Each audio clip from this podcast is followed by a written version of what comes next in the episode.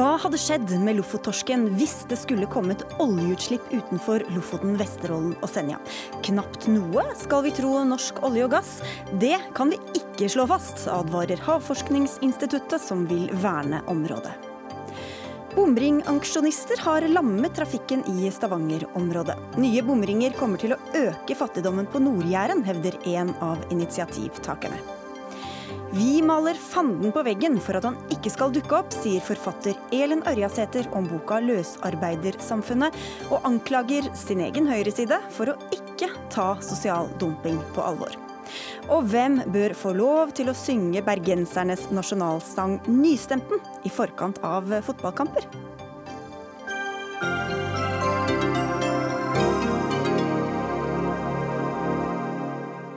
Det er menyen for denne fredagens Dagsnytt 18. I studio Sigrid Solund. Hensynet til fisken er et av de viktigste argumentene mot oljeboring utenfor Lofoten, Vesterålen og Senja.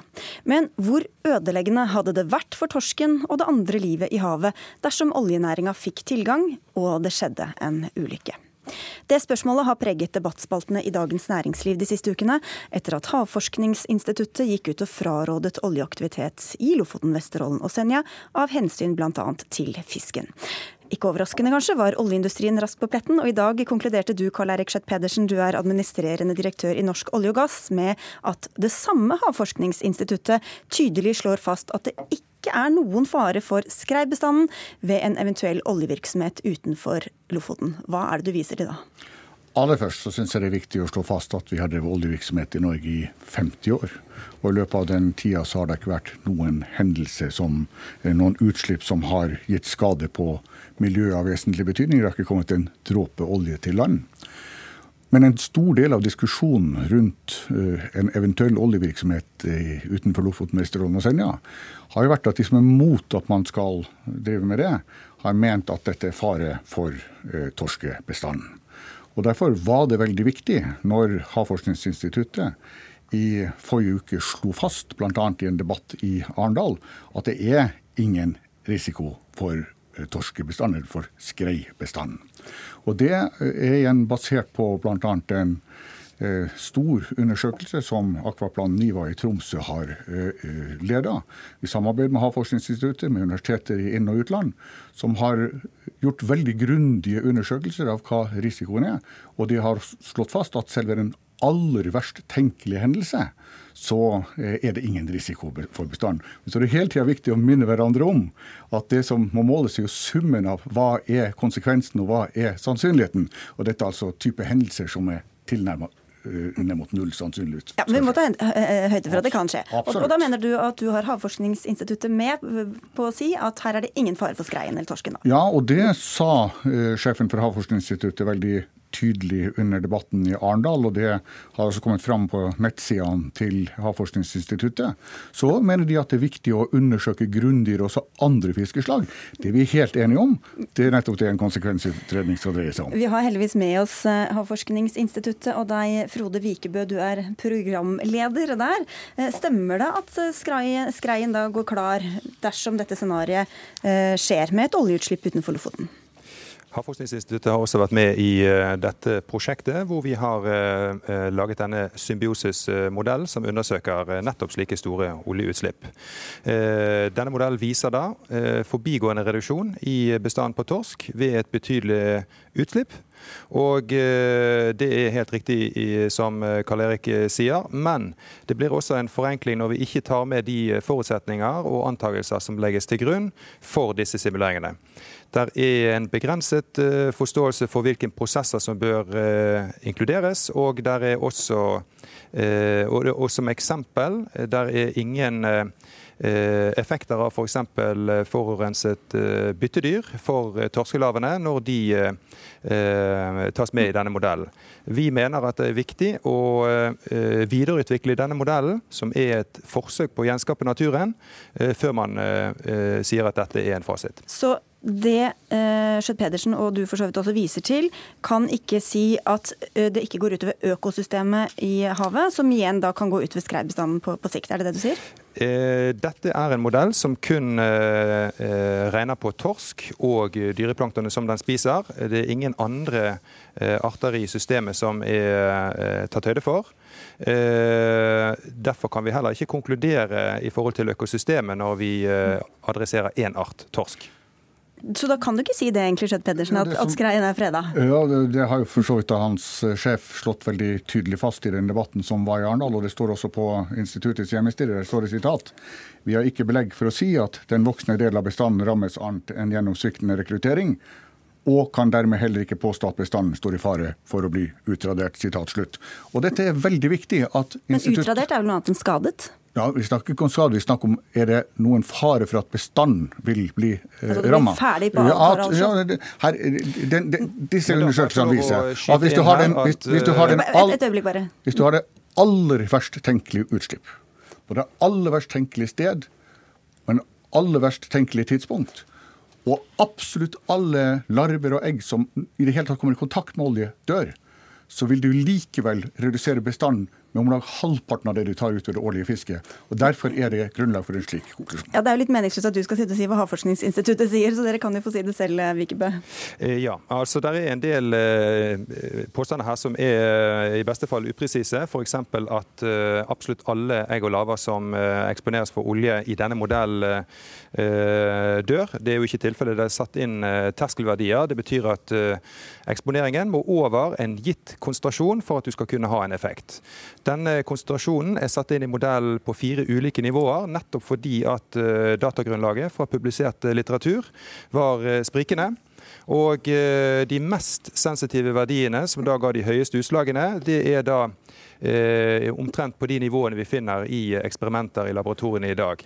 Men fremdeles så er det da begrensninger i eh, de prosessene som er tatt høyde for i modell.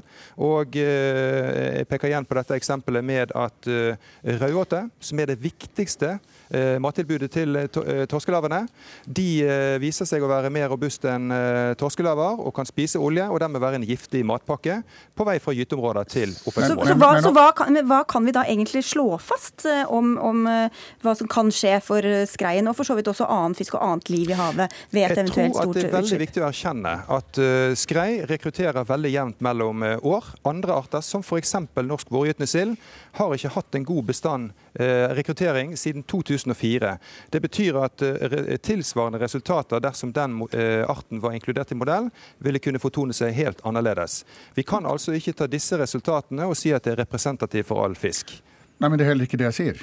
Nei. Men det jeg sier det som står på deres egne hjemmesider, og kan derfor heller ikke påstå at bestanden står i fare for å bli utradert.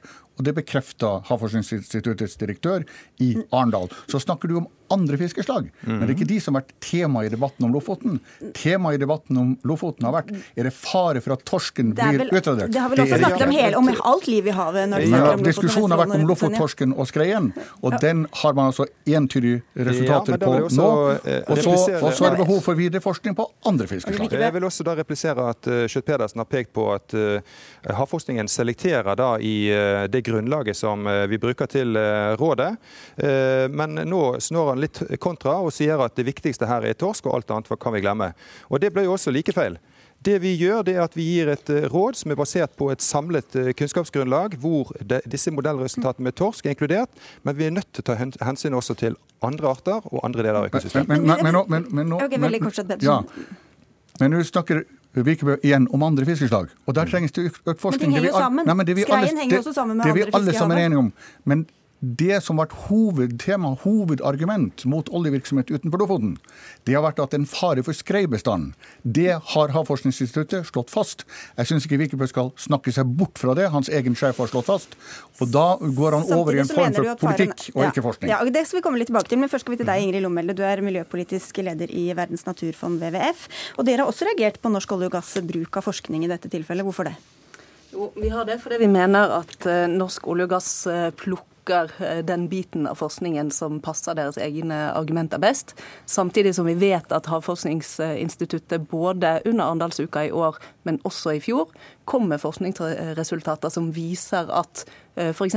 hyseegg er klebrige, tar opp i seg mer olje enn det man det før har trodd, og at det får store selskader. ikke sant? Og så vet vi av erfaring at uh, etter andre oljeutslipp, sånn som Exxon Valdez-ulykken, så har vi altså mistet hele årsklasser av sild, og det gjør at bestanden ikke klarer å ta seg opp igjen.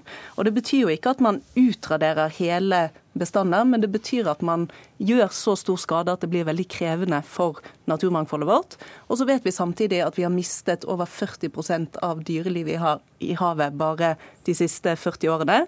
Eh, og da er denne oljevirksomheten, som kan få store konsekvenser dersom det skjer en ulykke, en stor risiko eh, som kan bidra til å forverre en allerede kritisk situasjon. Vi får høre med deg, Skjøtt Pedersen. Hvor stor ødeleggelse av økosystemet kan du leve med for at du syns det skal være verdt det å hente opp olje og gass i dette området? Jeg jeg kommer fra et fiskerisamfunn. Jeg har vært fiskeriminister. Jeg har levd med fiskerinæringa hele mitt liv. Det ville aldri vært aktuelt for meg å gå inn for at man skulle vurdere oljevirksomhet utenfor Lofoten, Vesterålen og Senja hvis jeg trodde at det var fare, noen fare for fiskesystemet. Og Derfor har jeg altså reagert så sterkt på den diskusjonen som har vært om torsk og skrei. For det er det som har vært diskutert. Alle de tingene som nå kommer opp etter at, fisken, etter at torsken er avklart, det er andre debatter. Da har du hørt litt andre debatter ja, enn meg, for jeg har hørt ganske mange ja, andre debatter men, også. Men den debatten som har gått, det at den tunge, viktige torsken som er så viktig for norsk økonomi og for fiskeriene, det var fare for at den bestanden ble ødelagt. Her viser altså forskninga at selv i et verst tenkelig tilfelle, så det er snakk om at man reduserer bestanden med 12% Det er halvparten av det som tas ut ved det årlige fisket. Derfor må den diskusjonen jo legges død. Mm. Og så må man konsentrere seg om er det behov for annen forskning. Ja, ja og, det er det konsekvensutredning skal bidra til. Ja, ikke sant? Da er det Vikebø, for Dere sier jo at dere ikke vil ha noen konsekvensutredning. og Hvorfor skal man ikke ha det da, for å se hvordan dette kan påvirke også det andre livet i havet, andre typer fisk? Det er eh, politikerne som må bestemme hvordan de vil forholde seg til vårt eh, råd. Om det da skal gå mot en eh, eh, ikke-åpning for oljevirksomhet, hvorvidt de skal gå mot en konsekvensutredning eller eh, annet. Vi gir kun rådet, og politikerne må ta hensyn til det og andre ting samtidig. Da er det jo sånn, som vi var inne på her, hvem som skjener til hva, og hvem som er til å stole på i, i disse sakene. Og Lomelde, hva mener du at denne saken, hva slags mønster føyer den seg inn etter deres syn? Jeg syns det føyer seg inn i et mønster hvor vi ender med en debatt om eh, noen deler av forskningen. Eh, Norsk olje og gass vil gjerne diskutere risikoen for at det kan skje et eh, oljeutslipp. Eh, mens vi, og for så vidt også havforskningen, er bekymret for hva som vil bli konsekvensen hvis det skjer et oljeutslipp. Og Det er jo fort eh, to litt ulike debatter. Eh, og så vet vi jo at over 70% av den fisken som, eh, som, fiskes i Barentshavet hvert år, må gjennom Lofoten og har sine oppvekstområder der. Og da mener jeg at det er en altfor høy risiko å ta. og risikere at vi kan få et oljeutslipp i de aller mest umistelige områdene vi har. Jeg vil jo bare minne om at på 70-tallet, når sild forsvant fra Norge, så var det også et resultat av at vi tok stor risiko og trodde at vi kunne fortsette med aktivitet som, eh, som, endte med å få veldig store konsekvenser. Jeg opplevde at eh, bestefaren min gikk konkurs. Mange mennesker mistet arbeidsplassene sine. Vi vet at det får veldig alvorlige konsekvenser dersom vi ikke sørger for å ha en natur i balanse som vi kan drive økonomisk aktivitet ut ifra. Derfor er det en selvfølge for norsk oljenæring at vi skal ha best mulig kunnskap å forvalte uh, ut fra. Og Derfor bidrar også oljenæringa til at vi skal få frem best mulig kunnskap, mest mulig forskning om virkninger også den som er negativ for oljeindustrien. Og det har vi bidratt til. Og det som da er interessant ved den forskninga som kommer fram, den, den, forholder seg jo ikke bare til hvis hvis det, skjer et utslipp. Først må vi minne om at ja, altså det er 50 år ut, ja, ja. Men, men, det andre er at hvis det skjer et utslipp, så viser jo disse undersøkelsene at det er knapt merkbare reaksjoner, virkninger. Det vi snakker om her, det er det verst tenkelige utslipp på det verst tenkelige sted, på det verst, av verst tenkelig eh, plassering. Selv da har det altså svært svært begrensa virkning og er ingen fare for bestanden. Halvparten av det som tas ut for årlig fiske. Og Da er det også viktig i forhold til det som Vikebø sier, at ja, det kan være forskjell i forhold til andre fiskeslag. Men da er det også viktig å ha med at selv denne undersøkelsen som her har vært for torsk, den har altså, når man vurderer giftighet og virkning på, på, på, på fisken, så har man brukt 50 ganger så stor mengde som det som man vanligvis legger til grunn. Og Det gjør at det også har noe utsagnskraft i forhold til andre arter som har større sårbarhet enn torsken. Men, når, ja, okay, vi men, men, da, men da vil jeg påpeke at det er ikke brukt en sikkerhetsfaktor på 50. Det er brukt fire ulike nivåer av giftighet fordi at uh, grunnlaget for, uh, for, denne giftigheten er sprikende fra de ulike publikasjonene. Og De mest giftige nivåene som er brukt i modellen, er det vi i dag ser i laboratorieeksperimenter for hyse og torsk. Dere, Vi prøver å ta fem minutter litt sånn mer generelt på slutten, som vi var litt inne på. Altså, alle har jo, Dette er veldig kompliserte saker. Alle har helt ulike premisser og viser til veldig ulike forsknings, øh, forskningsresultater og statistikker og det ene med det andre, Lomelde. Så de, Dere sier jo at dette er litt sånn typisk for norsk olje og gass, men hvor nøytralt vil du på, si at dere ser på det? Hvis dere kommer over en, en grundig rapport som sier at norsk olje er bærekraftig på sikt, og det er det verden trenger, og det er godt for verdens klima til sammen? Ja, hvis, jeg funnet, så, hvis, jeg hadde funnet en sånn rapport, så, så, skulle jeg også ha vist fram den. Men nå viser jo de fleste rapporter nettopp det motsatte. At vi trenger å flytte energisystemene våre bort fra olje og gass. Eh, og at det er eh, mange ting rundt oss eh, i verden som viser at lønnsomheten i bransjen til Schjøtt-Pedersen er under stort press. Eh, og da mener jeg at når forskningen, den naturfaglige forskningen også viser at konsekvensene kan bli veldig store hvis vi får et oljeutslipp, eh, så er risikoen for stor Eh, til å bore i de mest umistelige naturverdiene vi har. Og du satt vel her i dette studioet også for en måned eller to siden og sa at WWF eh, juksa og hadde la feil premisser? Ja, jeg, jeg, sa de eh, legger premisser som gir inntrykk av at norsk oljevirksomhet ikke er lønnsom. Og når den bidrar til statsbudsjettet med 224 milliarder kroner i år, så er det vanskelig å si at den ikke er lønnsom. Men som jeg arresterer Romer det på et veldig vesentlig punkt. Det er ikke slik at forskning viser at det er fare for disse bestandene. Det Vikebø sier, at det kan være andre utslag for andre fiskeslag, det er ikke tilstrekkelig undersøkt. Det skal en konsekvensutredning bidra til. Men det, er, det foreligger ikke forskning som sier at det er risiko for disse bestandene. Tvert imot, det foreligger forskning som viser at det ikke er fare for skreibestanden. Det er den som har vært diskutert. Det andre er Vikebøs poeng I et laboratorium, at, da? Ikke ja, i ja. Nei, det, det, det, er den beste forskning som kan framvises i verden, som har konkludert med at det ikke er fare for skreibestanden. Så viser Vikebø til at det finnes svakheter ved denne forskninga. Han viser til at man burde ha undersøkt også andre fiskeslag. Mulig det. Men den beste kunnskapen man har fått frem så langt, den viser det motsatte til Omolje sier. Den viser at det ikke er fare for bestanden. Men jeg vil også si at En viktig del av en risikovurdering er jo nettopp å ta høyde for den usikkerheten som foreligger i dag, og de faktorer som vi mangler da uh, kunnskap om.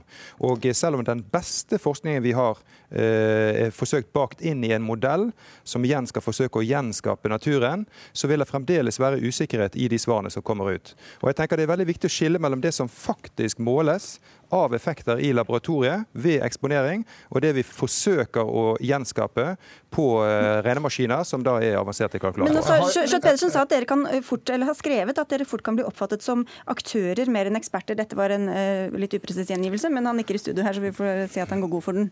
Jeg tenker at Det vi presenterer er et råd som er basert på det samlede kunnskapsgrunnlaget. Da kan ikke vi ta uh, utgangspunkt i kun resultater fra én modell og si at dette er, er det som representerer kunnskapsgrunnlaget for eh, rådet vi skal gi.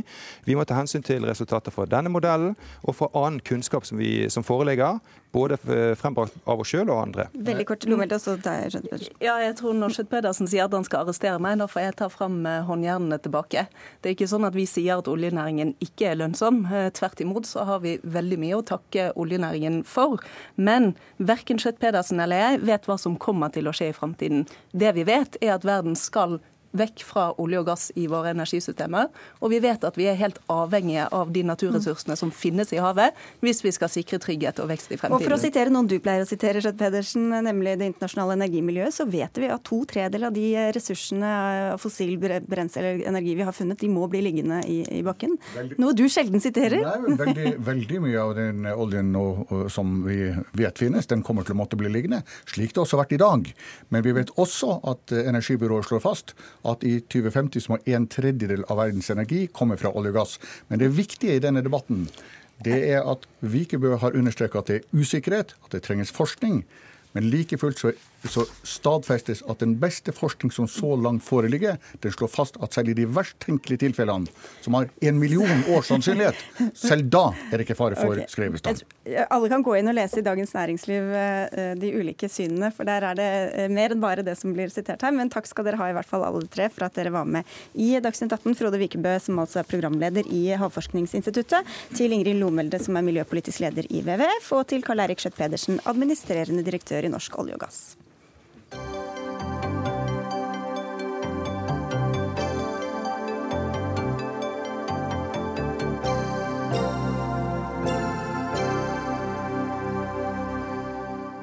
Demonstrasjonstog, kjøre sakteaksjon og trusler mot lokalpolitikere. Bråket rundt de nye bomstasjonene på Nord-Jæren har eskalert denne uka. I oktober blir 38 nye bomstasjoner der virksomme, og prisen dobles fra 22 til 44 kroner i rushtida.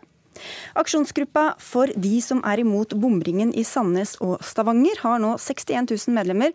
Og det var du som starta denne gruppa, Sigurd Sjursen. Du bor i Sandnes, og eh, folk i store deler av landet betaler jo bompenger i dag for å få bedre veier. Hvorfor skaper det så mye bråk hos dere? Altså, Dette her er jo en eh, bomring som ikke ble konsekvensutreda i det hele tatt. Eh. Og, og, det er klart at det, eh, dette her får enorme konsekvenser for befolkningen på Nord-Jæren. Og så må vi ta høyde for at eh, politikerne har bevisst ikke valgt å høre på folket. Og nå har folk fått nok. De viser det med at nok er nok, og de går ut i gatene. Ja, Du sier til og med at dette kan øke familiefattigdommen på Nord-Jæren. Hva slags grunnlag har du for å si at det kan så, slå så voldsomt ut? Altså Når du tenker på det at eh, hvis én bil eh, makser ut, eh, så, så, snakker vi om 30 000 per bil. Eh, hvis det da blir snakk om to biler, så er vi oppe i 60 000. Det er 5000 i måneden. Det. er klart at det gjør et enormt innhogg i privatøkonomien. Så hører vi politikere snakke om at de skal bekjempe familiefattigdommen. Denne her pakken som nå trer i kraft 1.10, den er jo nettopp den som er den største faren for familiefattigdom for folk på Nord-Jæren. Ketil Solvik-Olsen, samferdselsminister. Du er fra dette området. Du har vel egentlig de samme synspunktene, og kunne kanskje sagt det samme hadde du ikke vært samferdselsminister?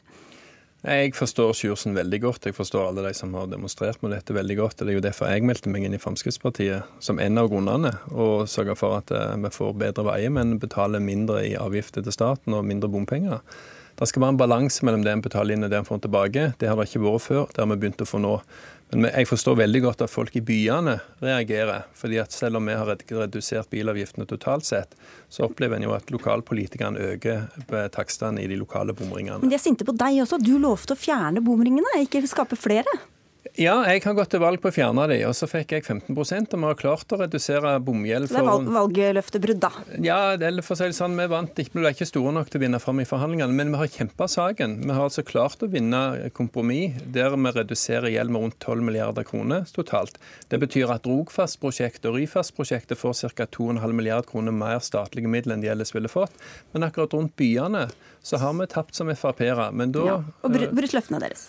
Altså, Vi har stått med løftene med å kjempe for det, men vi fikk ikke nok støtte ved valget til å få flertall for det, dessverre. Sjursen, hva mener du spesifikt er Solvik-Olsens ansvar her? Altså, det som vi opplever nå, det er jo det at eh, flere og flere eh, politikere begynner å ta til fornuft og, og vil ha en endring. Eh, og Det som vi opplever nå, det er at politikerne kommuniserer med hverandre via eh, aviser. Altså, Nå må eh, politikerne sette seg ned, eh, begynne altså å diskutere og altså få til en løsning. Det er ikke lenge til 1.10. Og jeg mener at det, eh, når Sandnes-ordføreren går ut og sier at dette her er urettferdig, og at de han hadde ombestemt seg.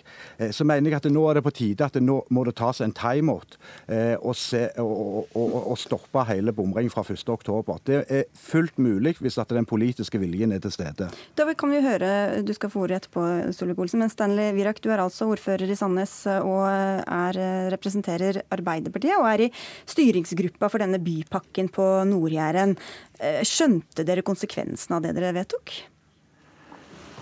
Eh, ikke Nei, jeg tror jeg må si vi gjorde ikke det. For det at denne rushtidsavgiften som ble eh, på 44 kroner, den er urimelig høy. Og det ble vedtatt for fire år siden. Den gangen var situasjonen helt annen. Det var en veldig trafikkøkning, det var en veldig befolkningsøkning, og vi satt i kø. Alle var enige at noe måtte gjøres. Og så ble det innført eh, forslag om rushtidsavgift. Og det må jeg innrømme, det har jeg gjort. det er ble altfor høyt, og jeg tror ikke det er det samme behovet for rushtidsavgift nå som det var den gangen. Ikke sånn som det var uh, den gangen. Og, og folk er aksepterer, tror jeg, å sitte litt i kø, for, men, men vi kan ikke ha så stor rushtidsavgift. Men hva har du gjort underveis for å justere kursen, da, hvis du så at det dere eh, vedtok ikke var riktig? Jeg tok det opp første gangen før uh, i fjor høst, og, og begynte å få, prøve å få folk med på at vi måtte se på dette her. Og vi har uh, hatt uh, byvekstforhandlinger, og vi har vært veldig på at vi må holde kostnadene nede. Og vi hadde det oppe i Rogaland Arbeiderparti, og der ble det flertall for at vi må se på andre løsninger enn dette store nivået på rushtidsavgift. Det skal bare inn til Solvik-Olsen, fordi her er det et spleiselag, sånn som vi har snakket snakket mye om mm. Oslopakke 3 og 4 og det ene med det andre. Samme, samme type pakke her, eh, hvor dere, staten, betaler er det omtrent en tredel. Uh, vi, vi, har, vi, vi har ca. prosjekt for mellom 7 og 10 milliarder kroner i, i, pakken. Vi betaler over 10 milliarder kroner inn i pakken. Fylkeskommuner fylkeskommune og lokale veier står for to tredjedeler, altså ca. 20 par og 20 milliarder kroner i pakken. Fylkeskommunen bidrar med 1,5 milliard, ja, resten tar de fra bompenger. Ja, bompenger. Så, så, staten bidrar med vår andel og mer. Så hvis, hvis bompengene da går ned, hva skjer med dette regnestykket? Hva skjer med den pakka og den utbyggingen Nei. og buss og, og sykkelstier da? Altså, hvis, hvis, pakken består, men den nedskalerer innholdet, så kan du òg redusere både, både, alle som bidrar inn. Men hvis de går fra pakken og splitter den opp, så er det nok statlige midler til å gjennomføre våre ting uten bompenger. Men da må det ryker jo hele fylkeskommunen sitt, eh, sin innsats her. og Det er jo det som er kollektivsatsing og lignende. Og Det er jo derfor denne debatten jeg, jeg hører mange peker på staten, men staten bidrar altså med vår del og vel så det. Det er lokalpolitikerne som har valgt å finansiere sin andel gjennom bompenger. Og Jeg syns det er veldig flott hvis Arbeiderpartiet nå er på glid og ser at det de vedtok før, er noe de angrer på. Men da må de òg sørge for at det kommer nye lokale vedtak. Nå skal jeg love at vi tar det rett til Stortinget, sånn at vi eventuelt får gjort dette på en bedre måte, i tråd med det som gjerne er et nytt flertall i mm. regionen. Du, kan, du sier at de er på glid, men Virak, man kan jo like gjerne si at dere trekker dere fra en pakke hvor dere faktisk ønsket å øke kollektivtrafikken, og også gjør det lettere å sykle i dette området. Så hva skjer da, hvis dere trekker dere på det ene? Så faller ja, altså, det andre? Vi, vi, vi, er ikke der at vi trekker oss fra her. Men det som sies at staten gjør sin del, altså bare som et eksempel. Der er E39 går gjennom vår region. Det var kostnadsberegnet til 7 milliarder milliarder. Staten stiller opp med tre milliarder av det. Vi tar resten. Så er det nå en overskridelse på statens egen vei på halvannen milliard, og staten sier det må vi betale. Det syns vi at det blir helt feil, at kostnadene for kostnadsoverskridelser på statens egne veier skal dekkes gjennom bompenger. Ja, men Stanley, nå gir du ikke et totalt bilde. For det er riktig at det E39-prosjektet koster 7 milliarder, men vårt statlige totale bidrag i pakken er altså over 10 milliarder. Men mange av de pengene er med på et spleiselag på bussveien deres. Og Det er ikke riktig når du sier at vi, altså fylkespolitikerne, tar den regningen. Vil dere sende hele regningen til bilistene? Så, jo, men altså, økte dere, Da dere overskred budsjettet, økte dere også rammen nei, men, inn til denne pakka? Poenget er at Det veiprosjektet er ikke ferdig stortingsbehandla. Det er jo der, sånn som andre prosjekter, når kostnadene øker, så må vi gå inn for å se hvordan vi kan få kostnadene ned igjen, istedenfor at Stanley her bare sier at nei, men da må vi ta den nye prisen og bare akseptere den. Men uansett, dette er altså en pakke. altså Bypakkene er fornuftige i den forstand at vi prøver å koordinere de investeringene staten skal gjøre på riksvei og europaveier, de investeringene fylkene gjør på fylkesvei, og de investeringene kommunene gjør på kommuneveiene, sammen med de investeringene som en tenker i jernbanen for statens del og buss for, for fylkes del, sammen med arealpolitikken. Hvis vi klarer å gå inn i og lage en pakke der vi ser hverandres investeringer i en helhet, så får vi mye bedre nytte for skattepengene. Så pakken i seg selv sånn sett er fornuftig tilnærming. Og så kan vi alltid diskutere dimensjoneringen av den og sånn. Der er mine Frp-kollegaer mener han er overdimensjonert, andre mener han er underdimensjonert. Men bidraget inn totalt sett Mm. Staten her, Du kan ikke bare komme med ett prosjekt og vise hvordan Nei, den ligger i pakken. Vi, vi har bidratt mer enn det som ligger ja, totalt. Men Sjursen, dere også peker på staten. Men staten det er jo rett og slett skattebetalerne rundt i hele Norge. Hvorfor er det rettferdig at jeg eller noen i Trøndelag eller Telemark eller Vestfold skal betale for deres busstrasé og, og veier og sykkelveier? Altså, vi, vi, jobber for at bompenger skal avvikles eh, totalt sett over hele landet. Eh, dette her med den bomringen nå på Nord-Jæren, den har en veldig usosial sosial profil, og den rammer veldig, veldig skjevt. Eh, men det som er interessant å sitte og høre på nå når både Solvik-Olsen og, og Verak snakker, altså det er jo nettopp derfor at dette folkeopprøret sprer seg, og at det vokser fra dag til dag. For det at dere sitter og snakker rundt hverandre altså Det er ingenting konkret som kommer på, på, på banen. og det er jo det som er så irriterende. At vi skal ta regningen for Alternativet er at alle andre tar regninga, da? Nei, for at hvis at dette her blir finansiert over statsbudsjettet, så er det jo klart det at det, da betal... ja, Hvem er det som betaler inn til statsbudsjettet, da? Det er du og meg eh, via, skatt, via skatteseddelen. Men da får du en eh, rettferdig fordeling i, i, i, det minste. Er det ikke sånn at forurenser betaler, og dermed skal de som kjører bil også betale for det? Og de, og de, skal også finansiere sin egen vei? Jo, men det blir jo feil å si at bilistene ikke betaler i dag. De, bilistene betaler mangfoldige milliarder inn. Eh, og da er det rett og rimelig at det, du bruker det til vei, og så bruker du resten eh, via skatteseddelen. Men jeg har, jeg har, fremdeles ikke fått noe svar. Eh, Virak, eh, du, dere hadde i mars eh, på, på, årsmøtet at dere ville se på andre løsninger. Og Nå i disse dager så kommer du ut og så sier du det at dere skal se på det på ny igjen. Skyldes det at det er det folkeopprøret som nå sprer seg, at du kommer så seint på banen? For hadde du kommet på... La, la, la Virak få svare, det. Nei, det gjør det overhodet ikke. Dette var vi på banen med lenge før dette folkeopprøret eh, kom. Men vi snakker ikke forbi hverandre, vi snakker ikke heller rundt hverandre. Nå har vi gått konkret inn og foreslått at vi må gjøre noe eh, virkelig med rushtidsavgift. Så sier veidirektøren nei, vi må forholde oss til stortingsproposisjonen. Så sier altså samferdselsministeren nei, dette kan vi gjøre sjøl. Så nå har vi bedt om et møte med samferdselsministeren. Jeg kan avklare meg en gang. Ja, ja, okay, avklare det, Olsen. Men, ja, men Solvik-Olsen kan avklare ja, men Han kan forklare hva han selv mente. Si det, det. Ja, men det er så poenget at Når veidirektøren er ute, så forholder han seg til vedtak som er gjort. Han er ikke en politiker som kan begynne å forhandle om nye vedtak. Men kan du gjøre det med stortingsvedtaket som ligger? Jeg kan selvsagt si at hvis, altså, Stortingsvedtaket er basert på lokalpolitiske vedtak i alle kommunestyrene. Det er ikke regjeringen som har drømt dette opp, dette er det lokalpolitikerne selv som har tatt initiativ til. Og så har vi kommet med våre statlige prosjekt og våre statlige midler. Hvis Sandnes nå ønsker å gjøre annerledes, hvis, du, hvis de vedtar lokalt at vet du hva, vi vil ha vekk rushtidsavgifta, så skal jeg ta det til Stortinget, så skal vi få et nytt vedtak. Det er jeg rimelig sikker på.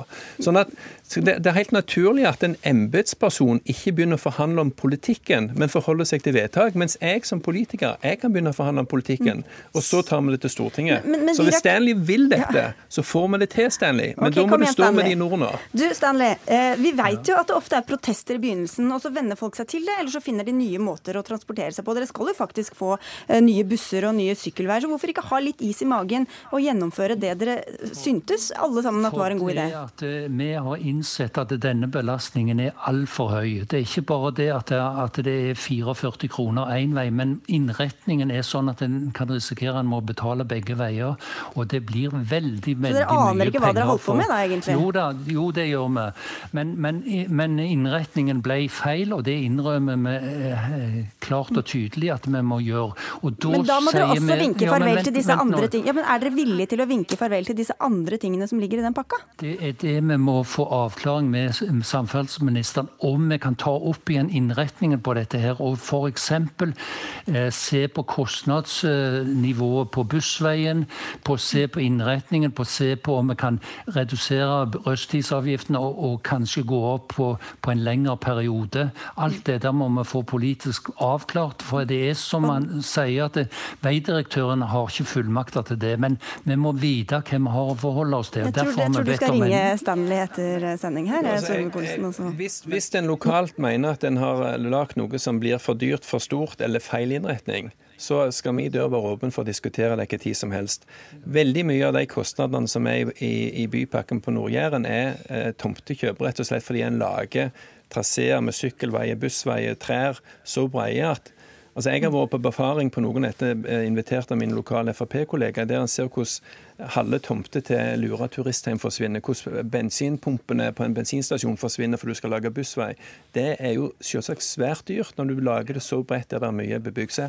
Hvis det er vilje til å se på dette på nytt, så skal jeg i hvert fall sørge for at staten her er med og ser på dette, sånn at dere får noe som både bilistene har råd til, som en prioriterer budsjettene, både statsbudsjett og fylkesbudsjett, og som òg bidrar til bedre kollektiv og sykkel. Okay, det, det, alle er helt enige. Vet dere, vi må nesten avslutte. Dere har eh, to måneder vel omtrent på å bli enige og forhandle og finne ut av eh, løsninger før kan disse skal bli operative. Bare, kan, kan, jeg bare få komme med en oppfordring? Veldig kort, ja. Mm. Eller jeg vil utfordre eh, politikerne nå, og med eh, statsråden og ordførerne at de setter seg ned nå og tar seg en timeout, og så utsetter de denne her pakken fra 1.10.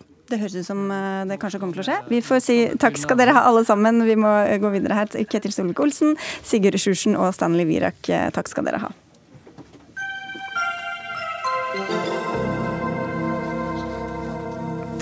Venstresida har fått seg en litt uventet alliert i kampen for flere faste ansettelser og mot sosial dumping, for nå kritiserer Arbeidsnytt-redaktør Elin Ørjasæter høyresida for unnfallenhet i arbeidslivspolitikken. Sammen med tidligere Fafo-forsker Line Eldring har hun skrevet boka 'Løsarbeidersamfunnet', om hvordan stadig flere folk i Vesten går glipp av fast jobb og havner på andre typer arbeidskontrakter for at arbeidsgiver skal spare penger. Ellen Ørjasæter, nå sier du altså at det er nødvendig å male fanden på veggen. Hva slags åpenbaringer eller nye oppdagelser er det du har fått under arbeidet her? Eh, det er jo sånn at i hele OECD-området så øker omfanget av det vi kaller løsarbeid. Altså løsere tilknytninger til arbeidslivet. Folk går på engasjementer og kortere kontrakter. Eh, fra, ofte fra uke til uke, og har en veldig usikker tilværelse. Og det er dette en forfatter som Guy Standing kaller prekariatet. Vi ønsket å undersøke prekariatet på norsk, så Line Eldring og jeg samlet sammen det som fantes av kunnskap på dette feltet, for å se hvordan tilstanden er i Norge, og vi kalte boka 'Løsarbeidersamfunnet'. Vi har jo ikke et løsarbeidersamfunn i Norge, men vi har noen lommer av arbeidsmarkedet hvor dette har spredt seg veldig raskt. Hvordan vil du beskrive det, den utviklinga? Nei, Den har jo gått så veldig fort, f.eks. i bygg og anlegg. Hvor eh, det nå på byggeplasser i Oslo og Akershus eh, kan være store deler av arbeidsstokken som, som, eh, er innleide, eller som er kontraktører på forskjellig vis. Det er mange gråsoner her, ulike kontraktsformer. Og der kan forholdene være ganske ille. Og også NHO, eh, NHOs eh, Byggenæringens Landsforening, har jo vært veldig opptatt av dette og syns at utviklingen er skummel fordi det går så raskt. Du nevner også andre, mm, andre deler av NHO, eh, og da kan vi ønske velkommen tilbake til deg, Anne Cecilie Kaltenborg. Du er administrerende direktør for NHO Service og Handel. Dere nevnes også i denne boka. Deler du bekymringene først og fremst for denne utviklinga? Altså, Eller virkelighetsbeskrivelsen, da. Ja, altså, eh, det er mye i denne boken som man kan kjenne igjen. Eh, og det, det er en, eh, blitt en veldig interessant bok, så jeg vil si gratulerer. Men å, å, å lage en bok i dag som heter 'Løsarbeidersamfunnet', det er jo i utgangspunktet svært misvisende. Og så kan du si at eh, det er formildende omstendigheter her. For at i selve boka så sier også forfatterne at vi maler fanden på veggen. Vi er ikke der i dag. Men de advarer mot en utvikling advarer, de tror kommer. Men det er ni av ti i Norge som er fast ansatte. Så det blir på en måte eh, helt feil å, å velge dette som en slags påstand da, om Norge. Men i eh, denne sektoren som Kaltenhorn representerer, da, hva er tilstandene der? Ja, der eh, ja, Eller ut, ut, fra hennes uh, ståsted? Ja, eh, Coltonborn har jo mange medlemmer. Bemanningsselskaper og tjenesteleverandører i privat helse som er flinke skikkelige bedrifter som gjør en god jobb i det norske samfunnet. Men eh, NHO Service og Handel har også støttet eh, gått veldig langt, mener jeg, i å støtte medlemmer de ikke burde støttet. Sånn som f.eks. Clockwork, et, eh, en bedrift som lot bygningsarbeiderne gå på kontrakter fra uke til uke over år. Det var polske bygningsarbeidere. Så, så har vi også Aleris, hvor Fagforbundet nå går til søksmål fordi de har hatt en veldig stor andel som vi mener er ordinært ansatte, men som de kaller næringsdrivende. Og de må f.eks. selv skaffe vikar når de blir syke, og arbeidstidsreglene gjelder ikke for dem. Så jeg mener Kaltenborn har en del å rydde opp i. I, hvert fall, Hun kan jo ikke styre medlemmene, men eh, Påvirke dem i hvert fall? Påvirke dem i riktig retning. Nei, men Det tenker jeg er en, en helt naturlig del av det å være en arbeidsgiverforening er jo å gjøre det man kan for å ha konkurranse på like vilkår for de som inngår i en bransje. Eh, men også over tid å være med på å heve standarden og sørge for at man har et bra samarbeid og en tillitsfull tone. Ja, men Er du like kritisk til de eksemplene som Ørjasæter nevner? Altså, vi har jo eh, som hovedoppgave å veilede våre medlemsbedrifter, enten det er bemanningsbyråer eller men, det er Du nevnte to eksempler. Er du like kritisk til det? Ja, men kan jeg gjøre, gjøre for setningen? Vi har som hovedoppgave å gi dem råd når det gjelder hva som er juridisk greit og ikke greit. Og det er klart at eh, Når man da eh, er i en situasjon hvor man trenger en avklaring på har du lov eller har du ikke lov til å ha denne type konsulentbruk, så er det jo ingenting vi heller vil enn å få det avklart. Vi har jo andre medlemsbedrifter som er i konkurranse konkurranse med Aleris. Sånn at det er klart, Vi ønsker jo at dette skal være krystallklart. Så gang på gang så kommer vi i en sånn situasjon at eh, vi og alle andre som er medlem hos oss, er tjent med å få en, en avklaring som er lik for alle. Ja, Men eh, til spørsmålet mitt, da som var på om jeg er kritisk til Til de, altså, du, ja, og, og Aleris. Altså, eh, det er, alle disse sakene er jo individuelle. Eh, når det gjelder eh, Clockwork-saken, så ble jo den eh, avgjort. Eh, og Man ble enige om at de hadde brukt denne kontrakten på en måte de ikke skulle gjøre. Men ikke desto mindre så eh, er jo den kontrakten noe som bemanningsbransjen har brukt i veldig lang tid, så det var ikke så veldig rart at de brukte den. Ok, Vi går videre her. Eh, Audun Lysbakken, SV-leder. Eh, en ny forbundsfelle, litt uventa kanskje, fra Elin Ørjasæter ved din side her? Ja, det syns jeg er veldig kjekt. Altså, Elin og jeg har jo vært i det studioet her og kranglet om forskjellige ting før. Eh, så det er jo befriende med at det kommer en stemme som i andre saker er assosiert med høyresiden, og påpeker viktigheten i det her.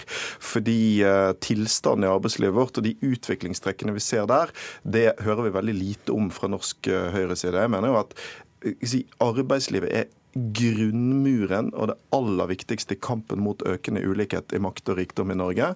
Norge ble bygget som et samfunn for de mange og ikke for de få. og Det viktigste ingrediensen i det var et regulert arbeidsliv. Det handler om fordeling både av makt og av rikdom. Om eh, trygg, trygghet for eh, inntekt for hus og hjem for eh, folk flest. Da må man ha fast arbeid, ikke midlertidig arbeid. Og om fordeling av makt. For når bemanningsbyråene kommer inn istedenfor faste ansettelser, da vet vi også at fagforeninger og si, kollektiv makt for arbeidsfolk forsvinner ut. Og det får noe å si for hele samfunnet. Skal, vi skal gå til deg, men først, du, du kritiserer jo høyresida, som du selv tilhører. Hva er det høyresida ikke har tatt inn over seg her, mener du da? Jeg synes de har dratt dratt beina etter seg i denne debatten. Eh, nå gikk Anniken Hauglie ut eh, da Arbeiderpartiet så ut til å gjøre et godt valg bl.a. på arbeidsliv. Så gikk hun ut og eh, sa hallo, vi skal gjøre noe, vi også. Men det tok jo forferdelig lang tid før forslagene kom. Da de kom, så var de veldig byråkratiske, uhåndterlige. Og så var det Stortinget instruert Anniken Hauglie om å komme med forslag som gikk lenger. Dette har vært en strid i Stortinget hele tiden.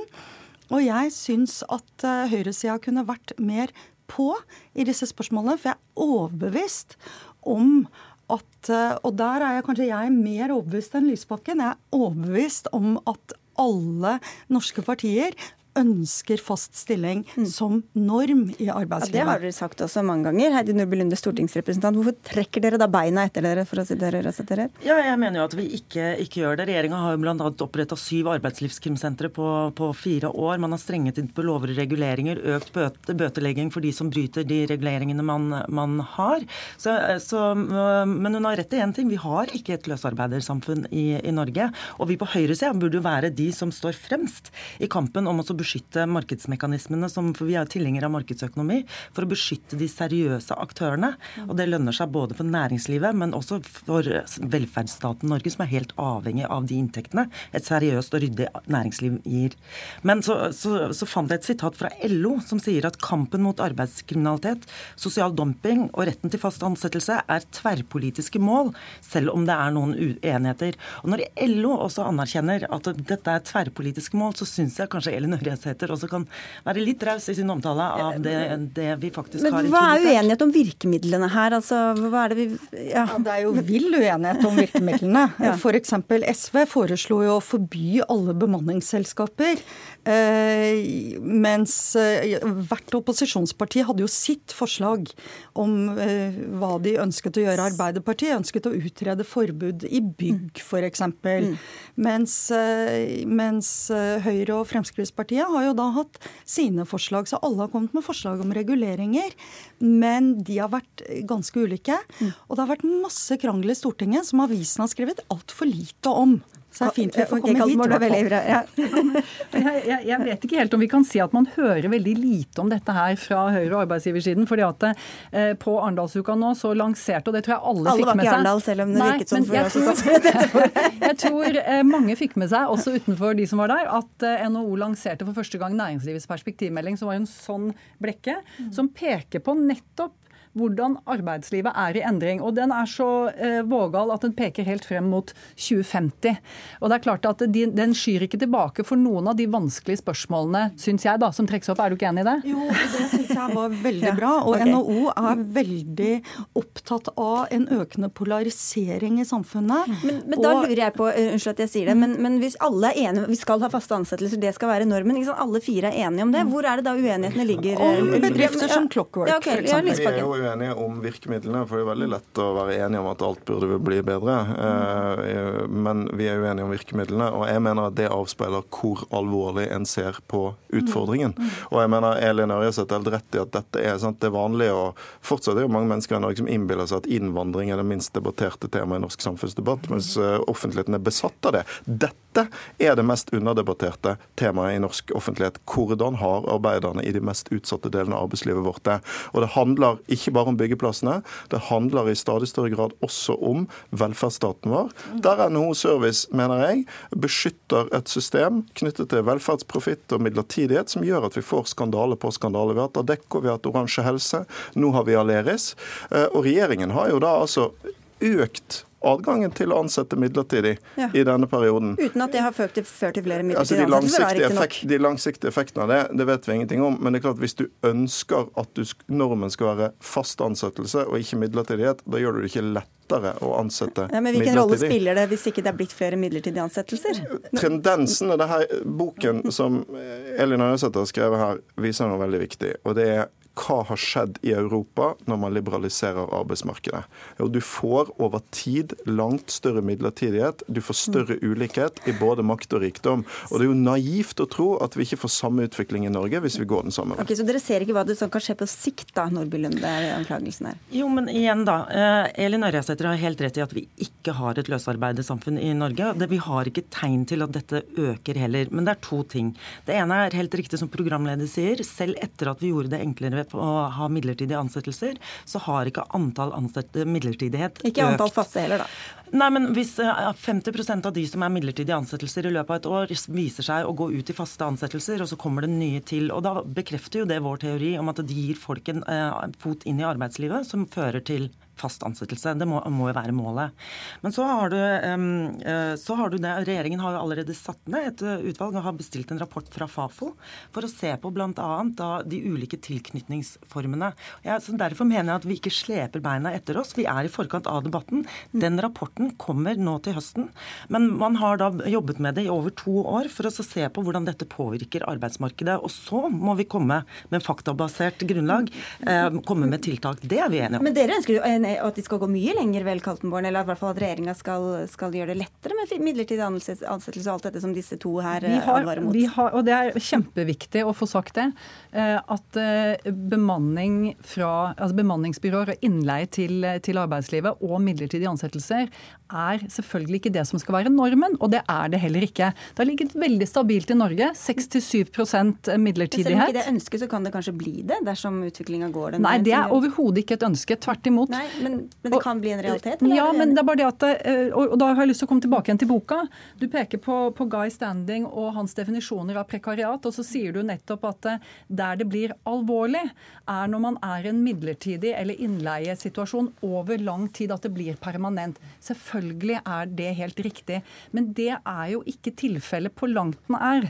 Ikke sant? Og det at vi, jo, men det er veldig viktig. Og det at den gjennomsnittlige eh, innleide i norsk arbeidsliv eh, kun har oppdrag i gjennomsnitt på tre til fire måneder, det er i grunnen det sterkeste argumentet der. Det er ikke sånn at folk som tar jobb via innleie, Eh, gjør det hele livet. Og Er det nødvendigvis sånn at selv om utviklinga i andre land går den retningen, så gjør vi det også med de eh, Ja, vi, Jeg er jo uenig med Heidi Nordby Lunde når hun sier at det ikke er tegn til økning her.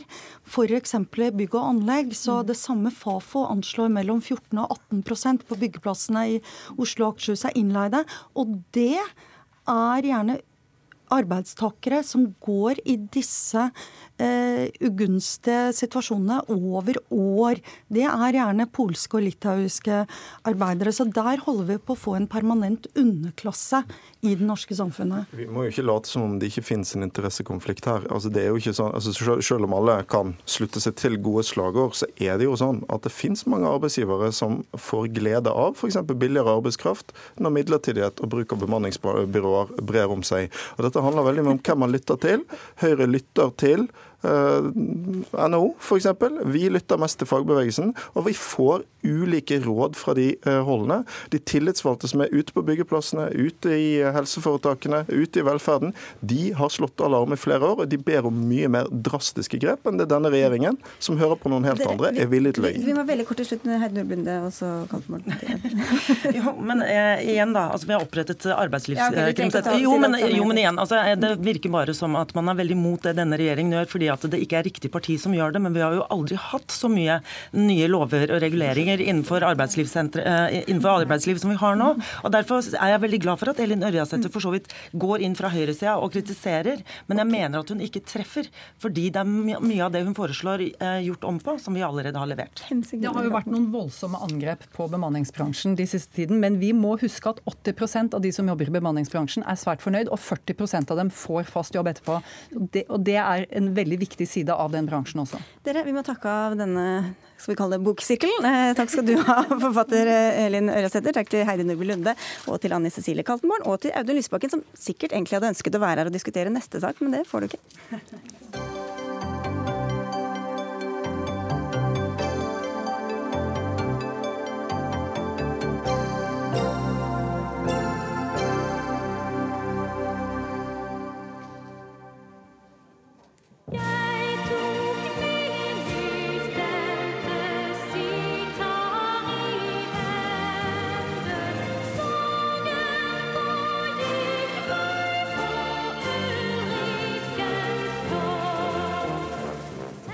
Nå svulmer vel mang et bergenserhjerte, og dere får ha meg unnskyldt at jeg fortsatt sitter. Men uh, nystemten, eller bergensiana, her sunget av uh, erkebergenser Sissel Kyrkjebø, har skapt strid i Fotball-Norge, ifølge VG. Sangen, med tekst fra slutten av 1700-tallet, skrevet av Johan Nordahl Brun, synges for full hals av hjemmepublikummet når sportsklubben Brann spiller i Bergen. Da står Brann-spillerne i de røde draktene sine på rekke vendt mot hovedtribunen. Men nå har flere utflyttede bergensere i andre eliteserieklubber valgt å stå bak hjemmelaget Brann under sangen, når de kommer da som motstanderlag til Brann stadion. Sist skjedde dette da et par spillere fra Sarpsborg sang med da laget spilte mot Brann forrige søndag. Erling Rostavåg, du er talsperson for Klanen, som for de uinnvidde altså er supporterklubben til Vålerenga. Eh, hva syns du om at eksilbergensere fra andre lag stiller seg opp og hyller Bergen på denne måten? Eh, altså, jeg blir ikke sint for det om eh, noen fra Sarpsborg synger en eh, sang eh, i Bergen. Det er på ingen måte noe problem for meg. Men hvis en Vålerenga-spiller ja. hadde gjort det? Det er nettopp det. altså På spørsmålet om hva jeg syns om det, så syns jeg egentlig bare det er litt pinlig. Eh, fordi konteksten her er en fotballkamp eh, hvor på en måte det skal være 90 minutter med motstand, og noen ganger hva skal jeg si, hat, da, i gåseøynene. Eh, og da bør det være det som er fokus, da. Mm. Eh, og det å på en måte bruke tida på eh, forbrødring og stå sammen om ting og, og, og, hylle byen man er fra og sånn. Det, det hører ikke hjemme? Nei, det, det, er noe vi stort sett forbeholder sånn ett minutts stillhet og gir rasisme rødt kort og de litt spesielle da. Roger Lillebø Hansen, du er styreleder i Bataljonen, som er sportsklubben Branns supporterklubb. Hva synes du om at andre lag spiller har sunget denne nystemten før kampen begynner? Det skulle da rett bare mangle. Eh, dette her eh, handler jo om respekt for hjembyen sin. Eh, og for å være litt ufin, i motsetning til f.eks. Oslo, så er vi jo vi som kommer fra denne byen. Vi? Du har helt feil dialekt. Jo, men det er veldig forvirrende. Jeg er bergenser av verste sort. Jeg er bergenser av overbevisning. Vi har en stor kjærlighet for, for byen, og da ønsker vi å vise det gjennom å vise respekt under nasjonalsangen til Bergen. Hvorfor er nystemten så viktig for, for Brann? Er, eh, den er ikke viktig for Brann, den er viktig for hele Bergen. Mm. Det er symbolet, det er nasjonalsangen til Bergen. Eh, det er det samme som at um, hvis Norge møter Danmark i fotball, så er det jo ingen som hadde reagert hvis Åge Hareide reiste seg opp og sang med på Ja, vi elsker.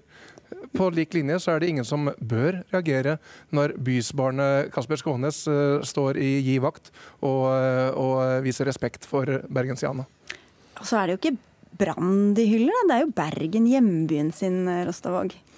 Ja, altså jeg hører jo Bare så det er sagt, jeg hadde også syntes det var stas eh, hvis en motspiller sang med på Vålerenga kjerke. Jeg ville jo ansett det som en liten seier mot motstanderlaget der og da. Eh, så jeg har ingen problemer med å skjønne at bergenserne liker dette her. Eh, men det som jeg kanskje ikke er helt med på, er den påstanden om at det ikke er en brannhymne.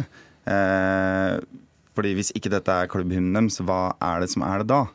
Eh, det kan godt hende at eh, låta er skrevet for å hylle Bergen by, og at alle i Bergen har et sterkt forhold til den. Jeg tror du fornærmet veldig mange ved å kalle den for låta. Alle. Ja, ok. Eh, det får de tåle. Men at mange har et sterkt forhold til den, og at det i gitte kontekster symboliserer Bergen, er jo helt greit, det. Men det er jo fullt mulig at et kulturfenomen tas opp i en kontekst og blir en del, integrert del av den konteksten. Og når man står på en fotballbane, så er det der en brannsang. Det er ikke noe å lure på. Hansen. Nei, dette er ikke en brannsang. Eh, når kongen kommer til Bergen, så eh, reiser han seg når, eh, når nystemten synges, og den synges alltid når kongen er i Bergen.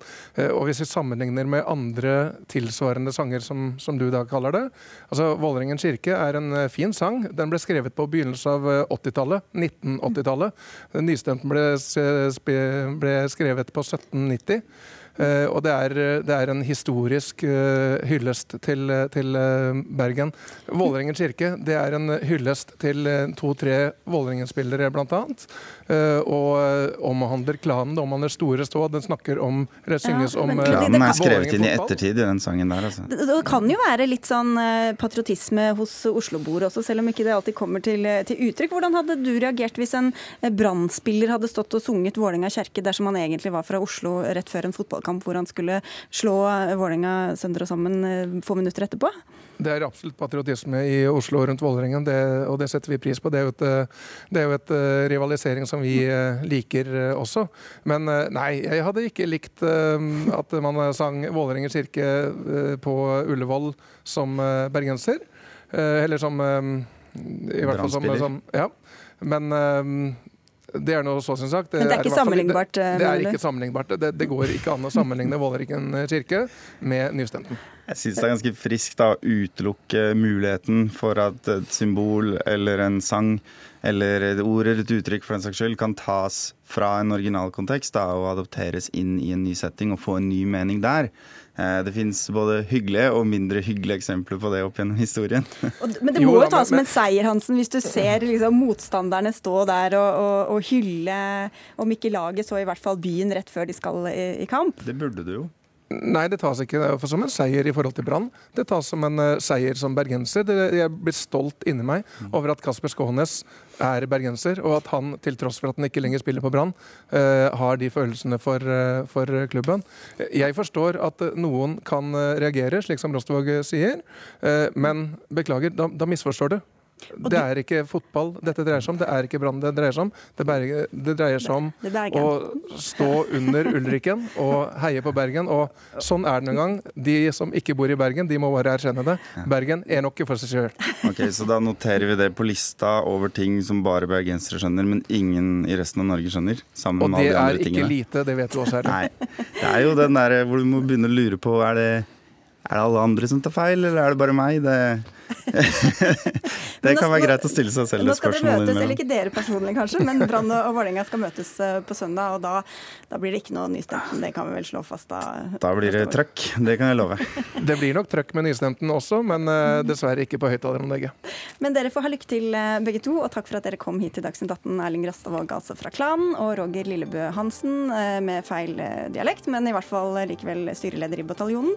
Dag Sørum, Finn Lie og jeg, Sigrid Solund, takker for denne Dagsnytt 18. Og vi er tilbake igjen på mandag og ønsker alle en god kveld og en god helg.